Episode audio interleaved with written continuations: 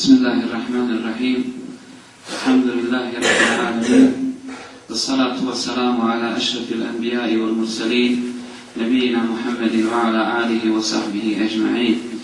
قال الله عز وجل في كتابه الكريم يا أيها الذين آمنوا اتقوا الله حق تقاته ولا تموتن إلا وأنتم مسلمون. أما بعد Zahvala pripada Allahu Želešanuhu i neka mir i spas na posljednjeg poslanika Muhammeda sallallahu alaihi wa sallam. Naš gospodar je objavio u svojoj časnoj knjizi o vjernici bojte se Allaha istinskom bogobojaznošću i ne umirite nikako drugačije nego kao pravi muslimani. Poštovana i cijenjena braćo i sestre u islamu, assalamu alaikum wa rahmatullahi wa barakatuh. Da ne bi ostao dužan e, vama kao domaćinima, a i vašim imamu, zahvaljujem vam se na e, toploj dobrodošlici koju ste nam ukazali i molim uzvišenog Allaha Želešanu da vam ojača i džemat i iman i vaša srca poveže i učini vas od onih koji će pomoći e, njegovu vjeru, a samim time pomoći i sebi. Platforma za naše večerašnje predavanje su je ajet Allah kuranski ajet u kome Allah dželle kaže: "Wa idh ta'adana rabbukum la in shakartum la azidannakum wa la in kafartum inna 'adabi lashadid." I riječi poslanika Muhammeda sallallahu alaihi wa sallam لن تزول ابن آدم يوم القيامة حتى يسأل عن أربع عن عمره فيما أفناه وعن شبابه في عن عمره فيما أبلاه وعن شبابه فيما أفناه وعن ماله فيما كيف اكتسبه وفيما أنفقه وعن علمه ماذا عمل به Prijevod ajeta kada Allah Želešanuhu objavi Musavu alaihi salam a ako oni budu zahvaljivali za blagodati koje im je Allah Želešanu dao, Allah će im povećati iz svoga. A ako budu zanijekali te blagodati i ne budu zahvaljivali, zahvaljivali, zahvaljivali na njih, Allah Želešanu će ih žestoko kazniti. Ako budete zahvaljivali na moje blagodati koje sam vam dao, povećat ću vam. A ako, ako ne budete zahvalili, zaboravite ih, onda je moja kazna žestoka. U hadisu koji sam naveo, poslanik sallallahu alaihi wa sallam u prijevodu na naš jezik kaže neće se pomjeriti stopala ili neće se pomjeriti noge čovjeku na sudnjem danu dok ne odgovori na četiri pitanja. Kako je proveo svoj život? U čemu je potrošio svoju mladost? Kako je stekao i metak i gdje ga je potrošio i šta je uradio sa svojim znanjem? Iz ajeta i hadisa razumijemo da je odgovornost prema blagodatima. Da onaj kome je Allah Želešanu dao blagodat, isto tako od njega traži odgovornost za tu blagodat. I sve što je veća blagodat, veća je odgovornost pred gospodarom svjetova. To možemo vidjeti iz ovoga ajeta. Ako zahvalite, kako? Vidjet ćemo ako Bog da kada budemo govorili o tim blagodatima, Allah će vam povećati. A ako zaboravite na Allaha Želešanu i na te blagodati ne uzvratite pokornošću i ozbiljnošću, Allah, Allah Želešanu kazna je žestoka. Zatim vidimo ovdje u hadisu također da će čovjek biti pitan za blagodati, za život koji mu je dao, za mladost, za imetak i za znanje. Sve što ti je Allah dao od ovih blagodati, bit ćeš pitan za njih. A najveća blagodat od koje ćemo mi početi i krenuti je blagodat Islama. Allah Želešanu kaže u suri Al-Maide اليوم أكملت لكم دينكم وأتممتم عليكم وأتممت عليكم نعمتي ورضيت لكم الإسلام دينا Danas sam vam vjeru vašu upotpunio i blagodat svoju prema vama usavršio i upotpunio i zadovoljan sam da vam Islam bude vjera. Dakle, blagodat koju nam je Allah upotpunio i koju završio i koju Allah Želešanu spominje u ovome ajetu je blagodat Islama. A u čemu je to blagodat Islama? Prvo blagodat Islama je u tome što je Islam prirodna vjera s kojom se ljudi rađaju. I ukoliko ostavite dijete ili čovjeka bez ikakvog vanjskog utjecaja, on će biti Allahov Želešanu robi niči drugi. Poslanik sallallahu sallam to potvrđuje i kaže Ma min mevludin illa wa yuladu ala fitra ala din il-islam u, nekim, u nekim predajama fa ebelahu juhevvilanihi ev jumeđisanihi ev junasiranihi a zatim ga njegovi roditelji učine kršćaninom ili jevrejom ili vatrokoponikom. Dakle, osnova da se čovjek rađa s tom prirodnom vjerom. I mi se rađamo u toj vjeri. I mi, osjeti, mi imamo tu blagodat, imamo tu priliku da se rodimo u muslimanskoj porodici. A kolika je ta blagodat zna onaj koji traga za islamom. Zna onaj koji prelazi prepreke i prepreke da dođe do tog islama. A pogotovo u današnje vrijeme, kada je velika kampanja protiv naše vjere. Kada se o našoj vjeri svašta govori. Kada o našoj vjeri, kada se na račun naše vjere ili na adresu naše vjere šalju razne optužbe. Zamislite koliko ljudi koji slušaju iz svojih medija, od svojih političara ili drugih struktura društva, slušaju nešto što je ružno u islamu, mogu prebroditi sve te prepreke i krenuti pravim putem. Zato je poslanik sallallahu alejhi ve obećao dvostruku nagradu onome koji primi islam.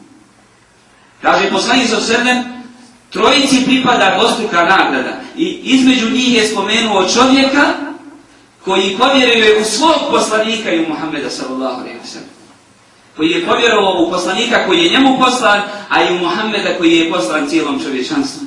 Dakle, to je prva blagodat Islama. Blagodat Islama je također u njegovom praktičnom dijelu. Tamo gdje ima Islama, bilo u porodici ili u društvu, ta porodica i to društvo je spokojno i mirno, nema njemu poroka, nema u njemu zla, nema ga bar u onome obimu u kojem ga ima u drugim društvima i porodicama. Dakle, i to je blagodat Islama. Također, blagodat Islama je u duševnom, duševnom miru i smiraju. Vjernik, musliman, je zadovoljan Allahovom Đelešanuhu odredbom, vjeruje u nju, zna sve što se dogodilo, da se dogodilo s njegovom voljom, njegovom odredbom. A prije toga je poduzeo uzroke. Prema tome, kad se dogodi njegovoj srce mirno, zna da drugačije nije moglo da bude. Također od obskrbe što mu dođe, on je zadovoljan s time, jer zna da više nije moglo doći. I moli Allaha da mu u tome da veričet i da mu blagoslovi imetak, jer Allah je taj koji daje, blag, daje blagoslovu imetku. Također, vjernik je siguran da sve nepravde koje se ne riješe na ovome svijetu, da će biti riješene na sudnjem danu. Najmanji oblik nepravde neće biti izostavljen. E sad zamislite razliku između njega i onoga koji niti vjeruje u kader, niti u određenje, niti vjeruje u Allahu u obskrbu, niti vjeruje u, u konečnu pravdu. Kako je njegovo srce, kakva, kak, kakva je njegova duša i šta on osjeća u svojoj duši. Zato su ljudi postali skloni tome, postali su skloni praznovjerju, vjeruju u, u, u predskazanja koja im, koja, koja im dolaze sa ove ili one strane, nemirni su, ne mogu spavati, boje se za svoju budućnost, strahuju. Dakle, i to je blagodat Islama. Blagodat Islama je i u međuljudskim odnosima, jer Islam je uspostavio, uh, uspostavio te odnose ili je, ili je postavio pravila za te odnose i na najnižem nivou, a i na najvišem nivou. Kako u porodici, tako i u široj zajednici. Odredio je šta treba da radi svaki član i uže i šire zajednice. Ako se ljudi drže tih pravila, porodica će biti mirna, a i društvo će biti mirno. Jer roditelj zna šta treba da radi, a i dijete zna šta treba da radi. Član zajednice zna šta treba da radi, a i onaj koji vodi tu zajednicu zna šta treba da radi. I ako svak radi svoj posao, to je sigurnost, to je mir, to je, to je blagodat. Dok u društvima, koja i, iako jesu administrativno uređena, iako jesu bogata, nema ovih pravila. Kako da dijete sa, sa 10 ili 11 godina može da odbije poslušno svome roditelju? I da ako roditelj pokuša upotrebiti silu, roditelj bude priveden zakonu. A to je slučaj sa ovim društvima koja jesu napredovala, ali kada je u pitanju uređenja ovih i kad su u pitanju ovi moralni principi, tu je islam ispred njih, iako islama ima manje kao sistema. Dakle, i to je blagodat. Blagodat je također i u vjerovanju. Blagodat Islama je u vjerovanju, jer vjernik, musliman vjeruje u samo jednog Boga. Samo se njemu povjerava, samo od njega oprosta traži, samo se njega boji, samo od njega strahuje. Dok pripadnici drugih vjera ili religija strahuju i od Boga, ali strahuju i od puno čega drugog. Strahuju i od, i od nekakvih, i, od zloslutnje, strahuju i od ovaj, e, raznih bogova i kipova koje su sami sebi izmislili i postavili. Strahuje od vremena, strahuje od mjesta. Vjernikovo srce je vezano samo za jednog jedinog i njegovo srce mora biti smireno i u njegovom srcu je smiraj za razliku od drugih. Dakle, i u tome je blagodat Islama. Ako je ovo blagodat Islama, onda je musliman obavezniji od drugih. Musliman je odgovorniji i treba da bude odgovorniji od drugih. I kada je u pitanju on sam, i kada je u pitanju njegova porodica, i kada je u pitanju društvo, i kada je u pitanju red u društvu, on je odgovorniji od drugih, jer je svjesniji, jer zna, jer ima propise, jer ima zakon kojeg treba poštovati. Takav odnos njegov treba da bude. Na početku smo kazali, prema blagodati dolazi i odgovornost. Imamo tu blagodat. Rodili smo se u islamu. Čuje, čujemo za islam, imamo mogućnost da učimo, da slušamo, dok drugi to nemaju priliku. Stoga smo odgovorni od njih. Imamo veću obavezu od njih. Zato svojim primjerom trebamo pokazati tim ljudima šta je islam. Zatim, pozivom svojim lijepim, onako kako ga je preporučio gospodar svjetova. Dakle, to je blagodat Islama.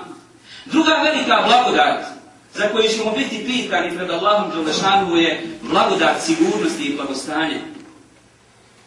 Allah Đalešanu govoreći o Kurejšijama i o njihovim putovanjima i o, i o ovaj, e, onome što su, što su najviše voljeli, ističe u suri Kurejš da su ljudi, da je, ističe dvije blagodati, a jedna od njih je sigurnost.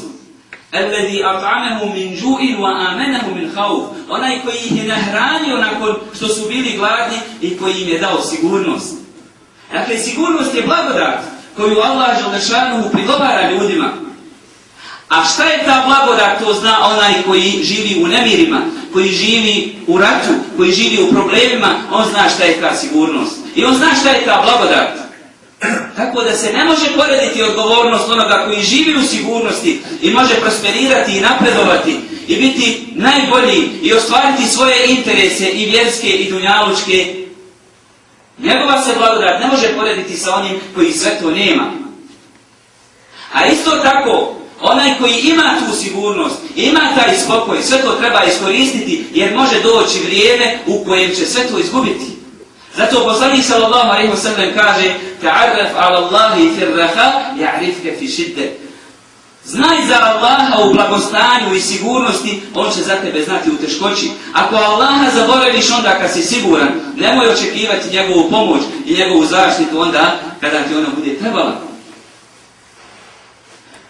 Treća veća velika blagodat, posle ove dvije, je blagodat i metka. Allah Želešanu na mnogim mjestima u Kur'anu tu blagodat ističe i spominje onima kojima je podario tu blagodat.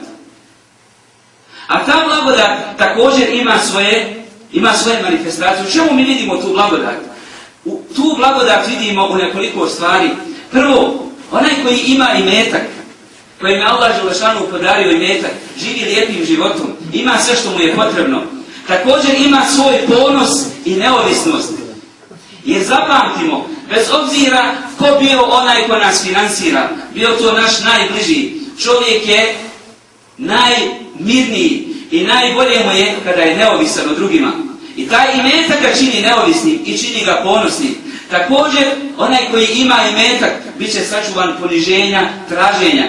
Zato kada je upitao Sad ibn Abi radi Allahu poslanika, može li sav svoj imetak oporučiti drugima, a imao je djece, Pa mu je poslanik sa osrednjem rekao da je bolje da svoj imetak ostavi svojoj djeci. Jer da ostaviš svoju djecu i da ih zaštitiš od traženja, bolje ti nego da to daš, nego da to daš, a da onda tvoja djeca traže. Dakle, blagodati meta se ogledaju tome što čovjek je sačuvan poniženja, što naš narod kaže. Kako zahvaliti na tu blagodat? Kako uzvratiti i kako doći pred Allaha Đelešanu, da ta blagodat, da tu prema toj blagodati imamo ispravan odnos i kako da naš odgovor za tu blagodat bude dobar. Prvo, čovjek se ne smije odmoliti zbog tog imetka kojeg mu je Allah Đelešanu dao. Zašto?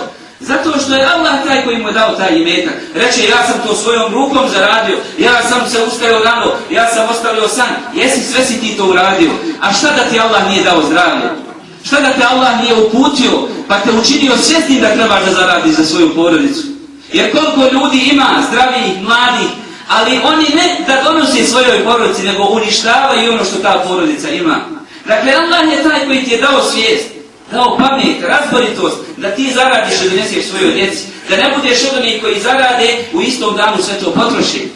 Dakle, ne smiješ se oboliti jednog trenutka zbog tog imetka kojeg ti je Allah dao. I to je zahvala na tu blagodat.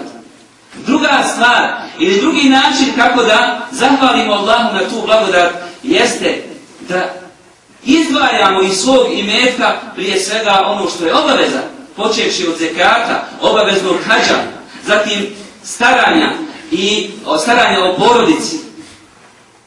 Zatim da dijelimo i dobrovoljno, nakon tih obaveza, da udjelimo na Allahom Đelešanu putu iz imetka kojeg nam je On dao, o mimma razapnahum yunfikun. I od onoga što im mi dajemo, udjeljuju. Dakle, to su, to je odgovor i zahvala na blagodat koju nam je Allah dao, a to je blagodat imetka. Na kraju konstatujemo da prema blagodatima je odgovornost i prema tim blagodatima ćemo biti pitani kod Allaha Đelešanu. Onaj koji ima islam neće biti jednako pitan kao i onaj koji ga nema i koji nema mogućnost da do njega dođe kao što je onaj koji ima tu mogućnost. Onaj koji ima blagodat sigurnosti neće biti jednako pitan, u stvari bit će odgovorniji od onoga koji tu blagodat nema. I na kraju onaj koji ima imetak bit će odgovorniji od onoga koji taj imetak nema. Prema tome Odgovornost je prema blagodatima koje je Allah Želešanu mu dao. Molim uzvišenog gospodara svjetova da nam se smiluje, da nam oprosti grijehe, da nas uputi na ono što je najbolje za nas i da nas uč, učvrsti na pravom putu, da nas učini od istinskih sredbenika poslanika Muhammeda sallallahu alaihi wa sallam.